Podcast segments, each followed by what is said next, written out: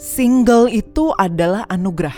Ush. Jadi jangan sekalipun kalian menganggap single itu kutukan. Jadi buat kayak gue yang udah menikah, anugerah gue udah hilang. Enggak bukan gitu. No, I didn't.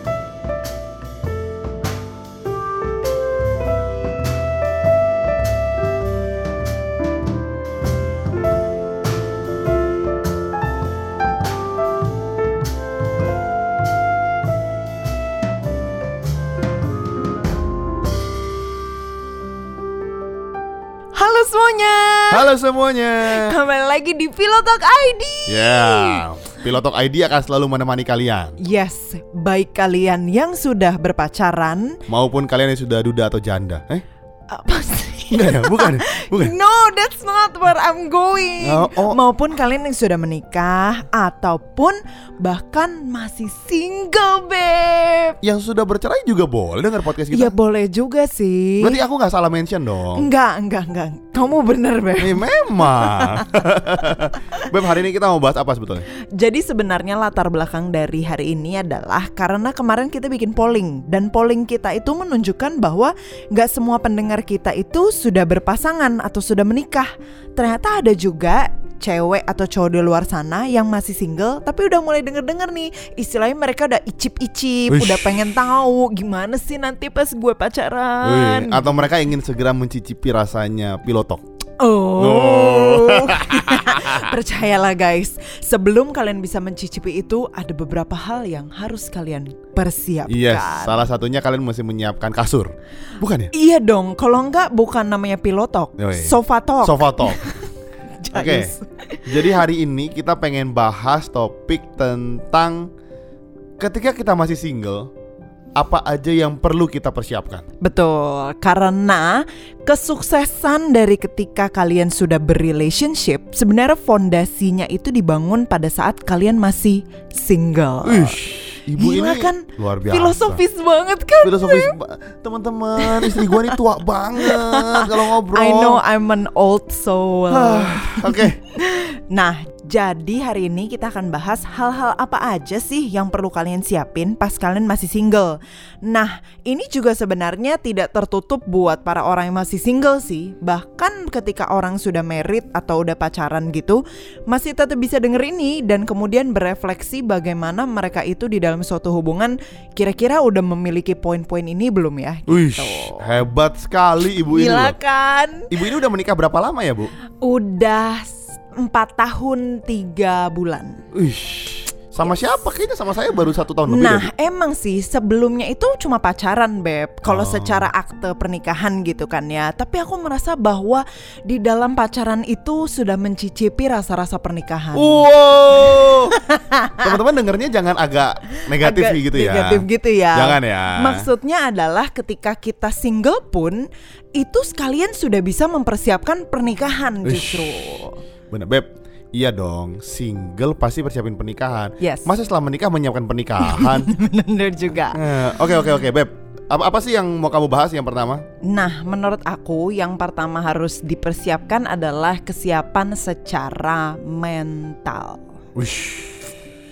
Kamu banyak sound effect ya Beb setelah aku perhatiinnya dikit ush atau ah. Eh, yang A itu kayaknya jarang deh, kayaknya jarang deh. Iya. Itu cuma buat konsumsi pribadi Yoi, kayaknya. yoi. Jadi kesiapan mental itu sebenarnya adalah ketika kalian meskipun masih single tetapi sudah bisa mandiri. Jadi kalian sudah bisa mandiri untuk berjuang, kalian sudah bisa stand on both of your feet gitu ya. Kalian mungkin meskipun masih SMA, meskipun masih kuliah, tapi istilahnya nggak gelendotan terus ke mana-mana mesti ditemenin papa mama, ke mana-mana semua yang ngambil keputusannya papa mama ataupun adik kamu gitu. Jadi kalian stand on your feet dan kalian itu punya pegangan hidup yang jelas. Kalau menurut kamu Beb, itu penting nggak? Iya iya iya, menurut aku itu bener banget. Karena menurut gue gue tidak semandiri Mandy mentalnya. Hmm. Jadi kalau teman-teman tahu mungkin ya gua itu nyari uang sendiri, semua sendiri. Tapi dari segi mental gue tidak seperti dia. Mandy Hmm. itu dari lulus SMA waktu kuliah di UPH dia ngekos sendiri. Memang lah orang tuanya support tapi sudah mulai sendiri. Jadi setiap weekend balik ke rumah gitu. Senin sampai Jumat di Karawaci. Terus kemudian ketika dia lanjut S2 gitu ya, dia di sana juga sendiri. Jadi kamu itu kan enam tahun sendiri ya. Pada kutip ya, 4 tahun S1, 2 tahun S2 gitu. Terlepas finansial disupport ya, tapi udah biasa sendiri. Makanya ngambil keputusan sendiri gitu. Sedangkan gue, gue itu memang susah ngambil keputusan, terutama soal beli baju biasanya. Jadi gue kalau beli itu pasti ngajak nyokap gue. Makanya ugly Christmas sweater. Ya, makanya gue selalu tanya, "Ma, ini gimana? Sepatu juga ini gimana?" Gua itu baru mulai memutuskan sendiri. Iya, setelah kita menikah lah. Jadi lumayan jauh. Jadi setelah menikah gitu ya, gue beli barang, tunjukin ke rumah. Gitu terus nyokap gue bilang gini, lucu sih. Nyokap gue bilang, "Ih, tumben bagus pilihannya." Yes. Gue bilang, eh, Mandy yang pilih. jadi jadi memang memang sampai gue besar, gue tidak bisa memutuskan sendiri sebenarnya untuk hal-hal seperti itu ya, gitu. Untuk milih-milih untuk bener gak sih ini yang gue beli, bener gak sih yang gue pilih ini kayak aneh gak sih gitu. Dan gue tidak bisa menilai itu sendiri sebenarnya. Tapi Gitu. sebenarnya mengambil keputusan sendiri bukan hanya soal baju kan, Beb? Ya ya. ngambil ya. keputusan sendiri itu kayak misalnya bisa ngurus pajak sendiri, which Ya. you can do gitu kan, Ya. kayak eh, bayar listrik sendiri, bahkan as simple as bisa beli pulsa sendiri gitu. Wah Karena- itu itu kayaknya pasti bisa sendiri deh. Ih, Ih, nggak jangan gitu. Gue dulu pas SMA mau beli pulsa sendiri aja itu takutnya minta ampun. Jadi dulu kan kita belum ada Shopee, belum ada Tokopedia, belum ada gitu-gitu yang bisa Belum beli belum ada online m-banking kan. juga beli online belum ada. Iya, jadi semuanya harus tatap muka dengan seseorang yang tidak kita kenal dan kemudian turun dan membeli pulsa atau voucher pulsa sendiri kan, Beb. Dan kamu nggak mau? Dan itu gue paling takut mas dulu pas SMA. Parah juga ya, Ya ini gua ya. lumayan. Jadi maksudnya kemandirian itu bisa diukur dari berbagai hal gitu. Jadi kemampuan kita untuk bisa mengambil keputusan sendiri dan mengurus diri sendiri juga, Beb. Karena maksudnya kalau misalnya kita belum mandiri secara mental, kita belum bisa ngurus diri sendiri, apalagi ngurus pacar kita, apalagi ngurus suami kita, gitu. Oh iya benar juga ya, benar-benar. Jadi memang kalau kalian ngurus diri sendiri belum bisa, gimana kalau kalian mau ngurus pasangan kalian? Yes. Dan terbukti dari baju, Hmm. hal-hal sederhana yang lain, Mm-mm. atau bahkan gue sih menyadari ya, gue punya temen dulu punya mobil, tapi dia nggak bisa buka kap mobilnya sendiri. Jadi kita pergi ke sebuah tempat, tempat itu jaga ketat memang karena tempat Kedutaan. itu kedutaan waktu itu. Jadi yang dibuka nggak hanya pintu mobil dan bagasi, Oh, kap mobil juga dibuka. bosan. Dan temen gue nggak tahu gimana cara buka kap mobilnya. Oh, gue agak bingung waduh kok gak bisa buka kap mobilnya gitu. jadi ya ya memang agak konyol sih tapi tapi kan gimana ya gitu Iya, jadi buat para pendengar kita yang pria di luar sana, belajarlah untuk berani membuka kap mobil sendiri. iya kalau nggak nanti malu kali ya Iya, dan bahkan mungkin mengganti ban sendiri loh. Karena waktu itu aku ingat banget, salah satu yang what makes me attracted to you ya Beb, adalah kemampuan kamu untuk mengganti ban Uish. mobil sendiri. Itu menurut gua salah satu hal langka yang dimiliki orang para pria di zaman Wih. sekarang. Gila beb, orang pria zaman sekarang itu nggak tahu ya, mungkin aku mengeneralize, tapi jarang banget ada temen aku yang bisa ganti ban sendiri loh. beb soalnya beda aku sama mereka aku itu pernah magang jadi tukang tambal ban kalau orang magang jadi akuntan That's not the point. Bukan berarti kalian nyari orang yang pernah jadi tukang tambal ban ya, tapi punya life skills Ya, ya, untuk ya. bisa bertahan hidup Ya, ya. gitu sih I think. Terus abis itu punya kemandirian secara mental, maksudnya dia itu juga stable secara emosi. Kadang-kadang kalau misalnya kita itu punya emosi yang masih up and down, masih moody, gimana kalau misalnya nanti emosi kita itu juga bergantung sama pacar atau suami kita? Itu bakal berat banget karena bayangin kalau misalnya kalian sendirian aja dikit-dikit disentil orang atau dikit-dikit di dicandain sama orang baper, iya kan?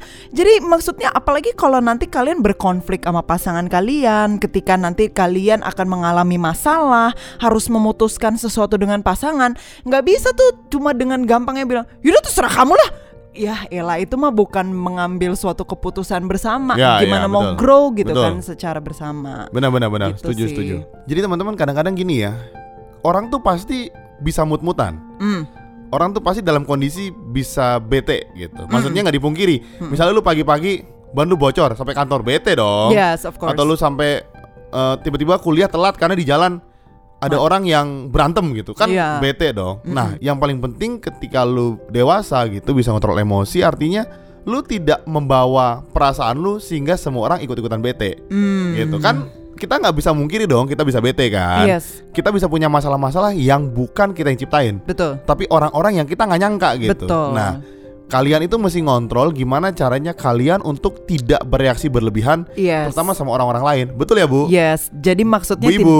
iya, tidak Ibu. meledak-ledak. Tidak meledak-ledak. Iya. Jadi jadi teman-teman, kalau gua gua sama Mandy nih, gua nih lebih lebih calm down, betul ya? Oke, yes. Lebih lebih tenang lah. Yes. Jadi kalau misalnya kita nyetir, kita apa gitu ya, Mandy mulai bereaksi, biasa gua nyanyi. Panjang sabarnya, panjang sabarnya supaya lebih calm down. Yes, of Iya. course. Karena calming down itu bisa mengcalm kalian punya relationship. Ya, betul. Itu itu Yes. yang itu yang penting sebenarnya ketika Yes. mengontrol. Nah, itu kan dari aku tuh. Menurut kamu, Beb, hal apa yang harus disiapkan oleh seseorang yang masih single? Oke, yang pertama kan main dibahas kemandirian secara mental. Yes. Yang gue mau bahas adalah kemandirian secara finansial. Oke. Mungkin orang berpikir karena gua cowok, Hmm. ini buat cowok. Hmm. Enggak enggak, ini Hmm. buat cowok cewek.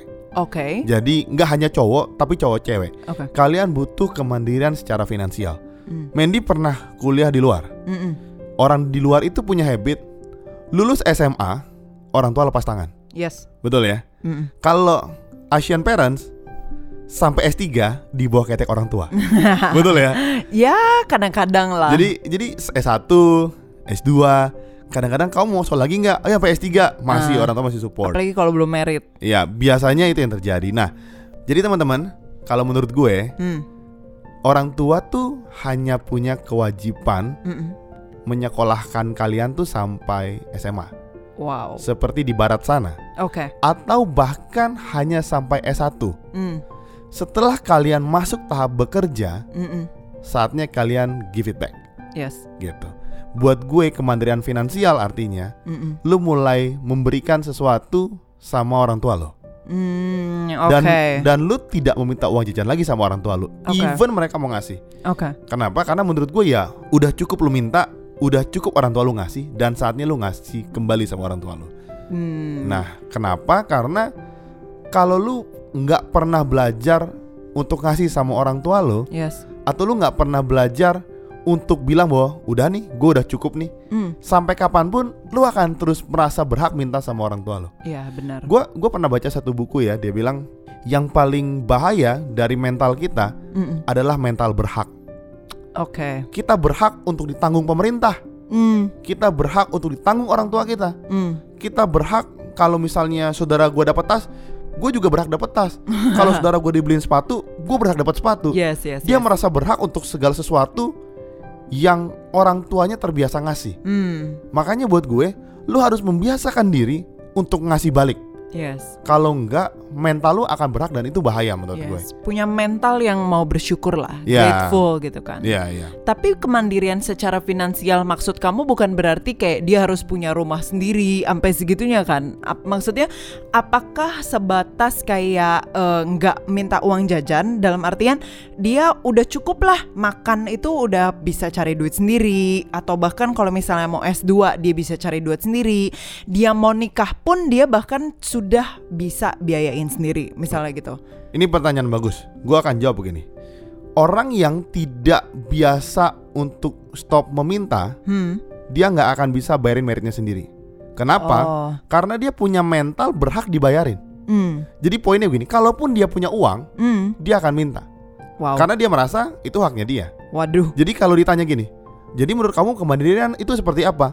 Kemandirian itu dipupuk pelan-pelan, makanya start dari lulus SMA. Hmm. Bahkan kalau misalnya, gua sih bilang ya, beb, aku bilang sama kamu, kalau kita punya anak SMA, Hmm. libur sekolah, lu Mm-mm. kerja ke PRJ sana, Buset. yang orang-orang jadi SPG. Kenapa? Karena gue pernah ngalamin. Yes. Itu mereka jadi terlatih karena waktu gue kerja di sana, lulus SMA gitu ya, gue ketemu orang-orang yang semuanya SMA butuh uang buat cari kerja, Hmm. sehingga mereka merasa mandiri hidupnya gitu. Hmm. Dan menurut gue ketika lu terbiasa dengan itu dari SMA, kuliah gitu ya Itu akan membuat mental lu iya nih Gue merit cari duit sendiri ah buat merit Wah gue Hmm. nyiapin rumah nih Mental itu akan dibangun Yes. Kalau lu nggak pernah nyiapin itu dari awal Lu nggak akan pernah siap dan lu nggak akan mau prepare lu punya wedding sendiri Lu merasa gue berhak dapat semua yang orang tua gue punya. Hmm, Gitu. Jadi maksudnya mental itu adalah dia itu mau bersyukur dan meskipun ya meskipun orang tua kalian itu kaya dan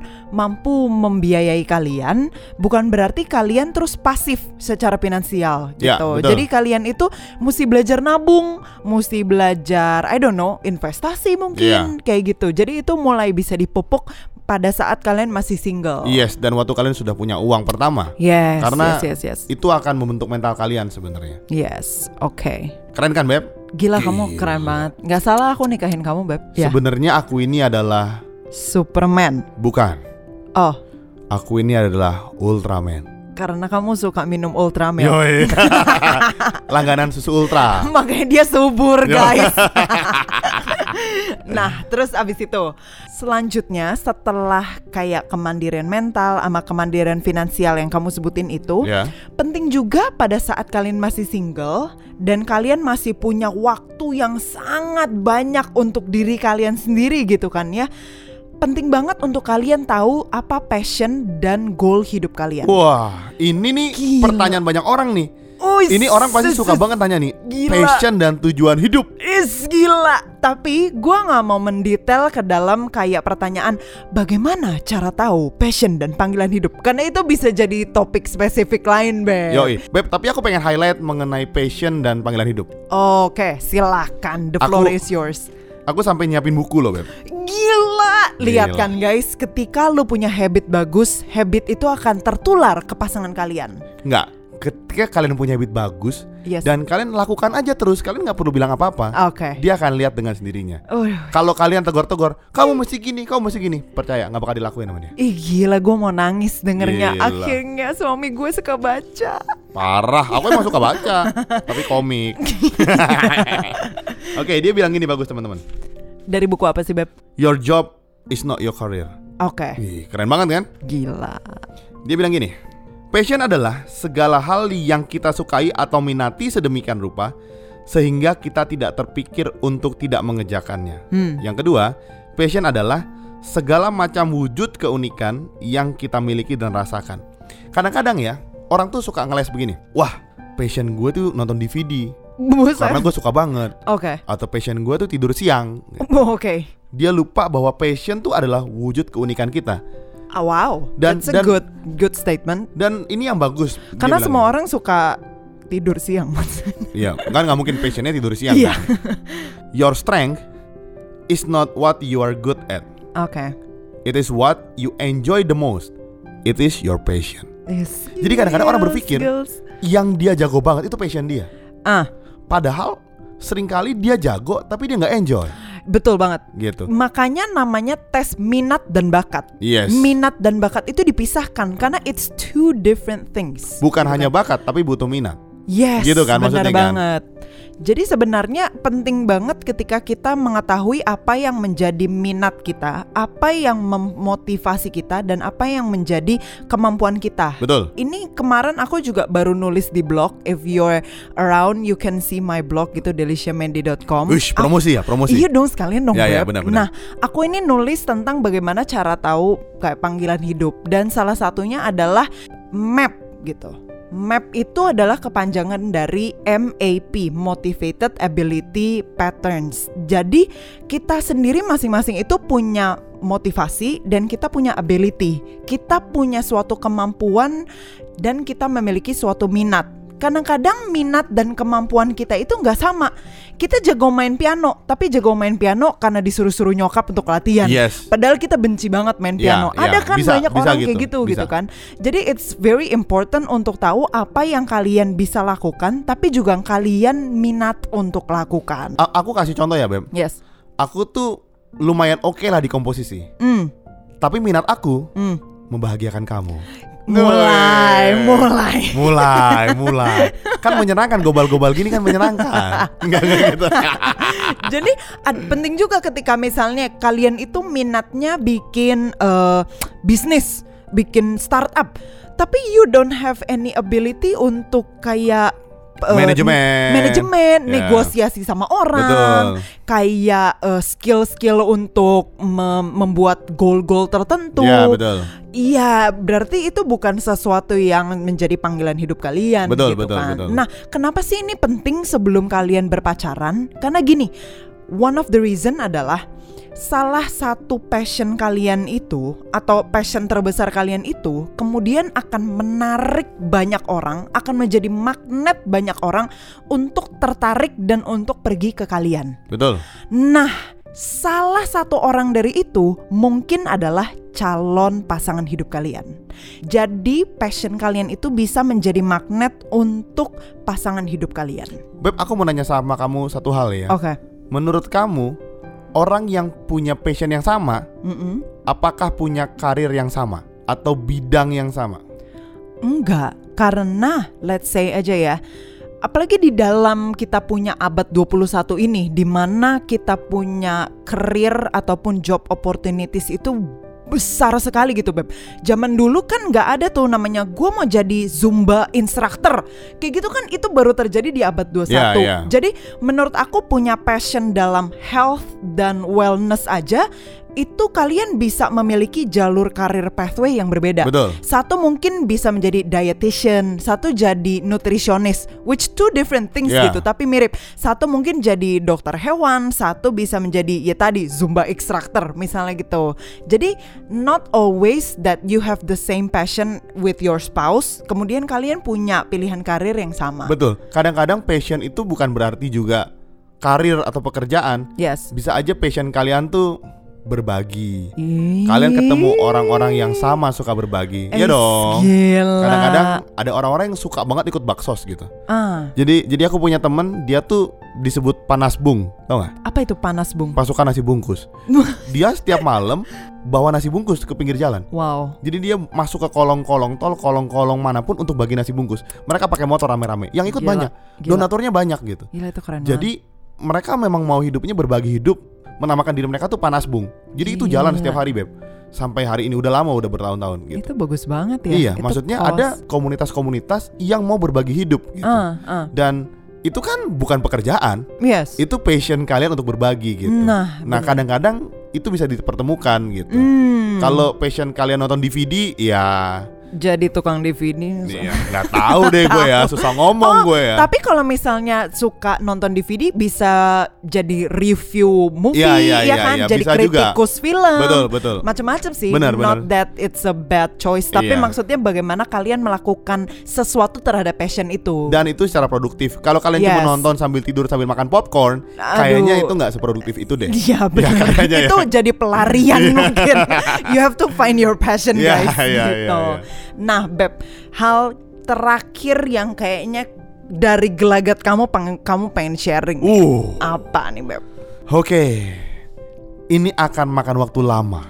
Ya, Beb, kita udah timenya terbatas, Beb. Nggak bisa. Oke. Aku kalau ngomong ini bisa dua hari, Beb. Ya udah, oke, sampai di sini guys, kita akan lanjut.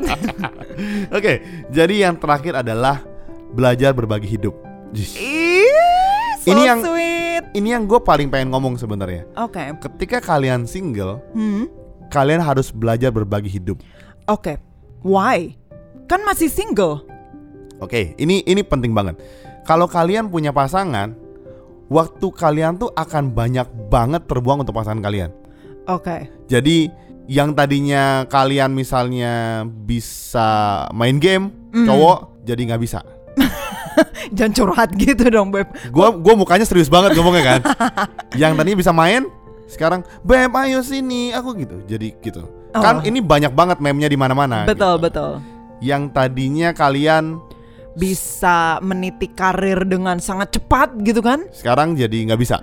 Terbagilah. Iya, bukan nggak bisa, terbagi lah. Yes. tapi nggak menutup kemungkinan juga bisa juga karirnya tambah Betul, naik gitu di support betul. gitu. Tapi yang gue mau highlight begini teman-teman.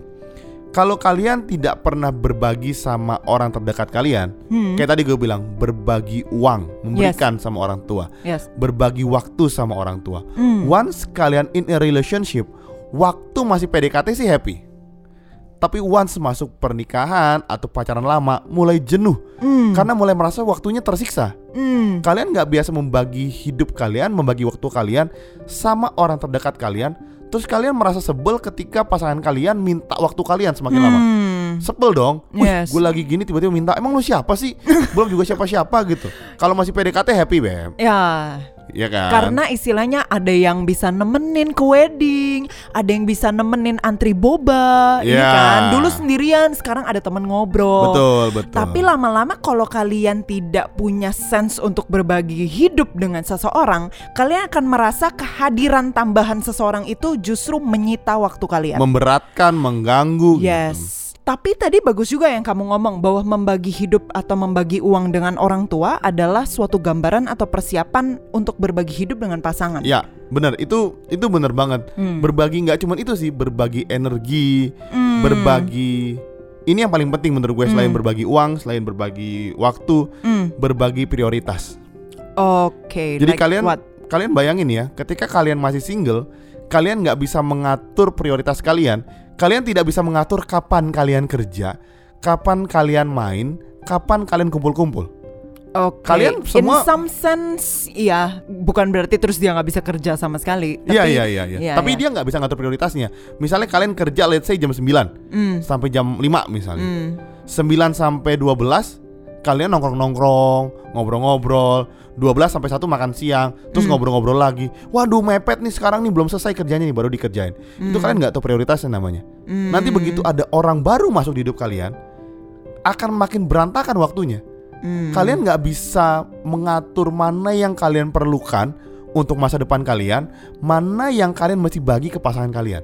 Hmm. Bahkan mana yang kalian bagi untuk kesehatan kalian Hmm. Olahraga, makan Kalau masih single, kalian nggak bisa bagi itu dengan rapi Ketika ada orang lain masuk di hidup kalian Hidup kalian akan jadi berantakan Makanya gua ada beberapa temen Yang ketika dia belum punya pacar Hmm. Dia di kantor produktif gitu Dia di Yes. kantor gimana gitu Yes. Tapi setelah punya pasangan tiba-tiba nggak pernah dari kantor Oke. Ya karena dia ketika ada orang baru masuk Dia tidak bisa membagi mana yang dia kerjakan duluan Oh. dia merasa semuanya punya orang ini gitu dia Oke. merasa nemenin dia adalah sebuah kebahagiaan Oh. dia nggak tahu padahal dia juga punya tanggung jawab sebetulnya Yes, mungkin karena dia sendiri nggak tahu passion, nggak tahu goal hidup dia. Jadi ketika ada orang lain yang bisa nemenin dan orang lain masuk ke kehidupan dia, seakan-akan semua hidupnya itu terfokus kepada pasangan dia sendiri. iya ya betul juga yang kamu bilang jadi prioritasnya hilang Yes. gitu jadi ya kalau teman-teman bayangin ya coba kalian cek kalau kalian udah punya pasangan lagi berpacaran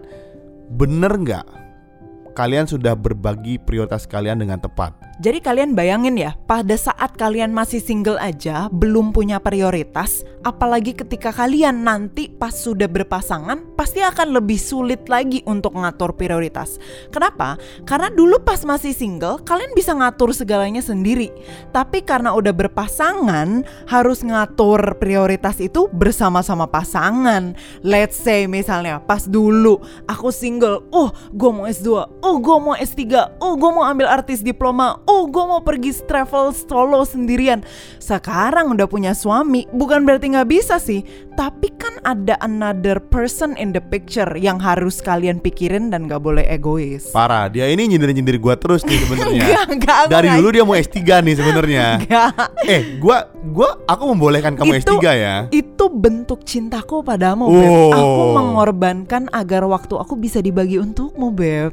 parah parah Kamu mestinya bahagia, Beb. Ya bener juga sih Tapi yang soal solo traveling Yes. Gue sangat merelakan dia solo traveling kok. Karena gue gak suka traveling. Enggak, gue bilang Wendy Eh traveling, ya udah kamu pergi aja. Enggak, Oh, oke. enggak maunya sama kamu. Enggak, gak usah kamu sendiri aja.